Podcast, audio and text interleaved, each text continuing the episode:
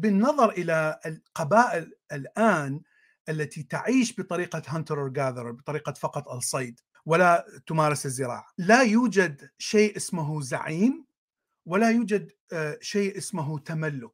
فلا يوجد غريزة التملك لأنهم إذا كنت صياد فلا يوجد أرض تملكها. أنت في استمرارية أنت تبحث عن عن الفريسة في كل الأرض وليس في أرض معينة.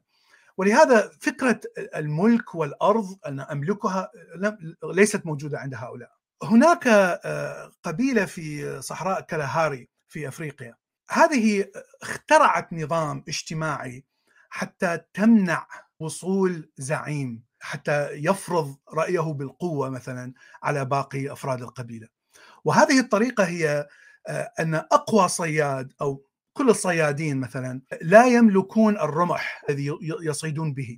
فعندما يأتي الصياد بغنيمة كبيرة الفضل يعود إلى آه، مالك الرمح وليس للصياد، شيء غريب طبعا إحنا يعني عكس المنطق اللي إحنا نفكر به.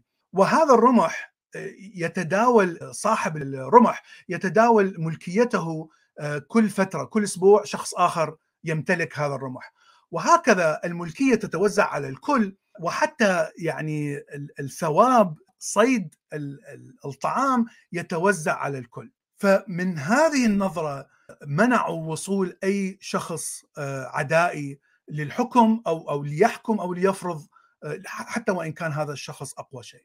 طبعا هذا يعني شيء غريب وعكس طبعا ما نعرفه من المدن والحضارات والدول التي تكونت بعد الزراعة.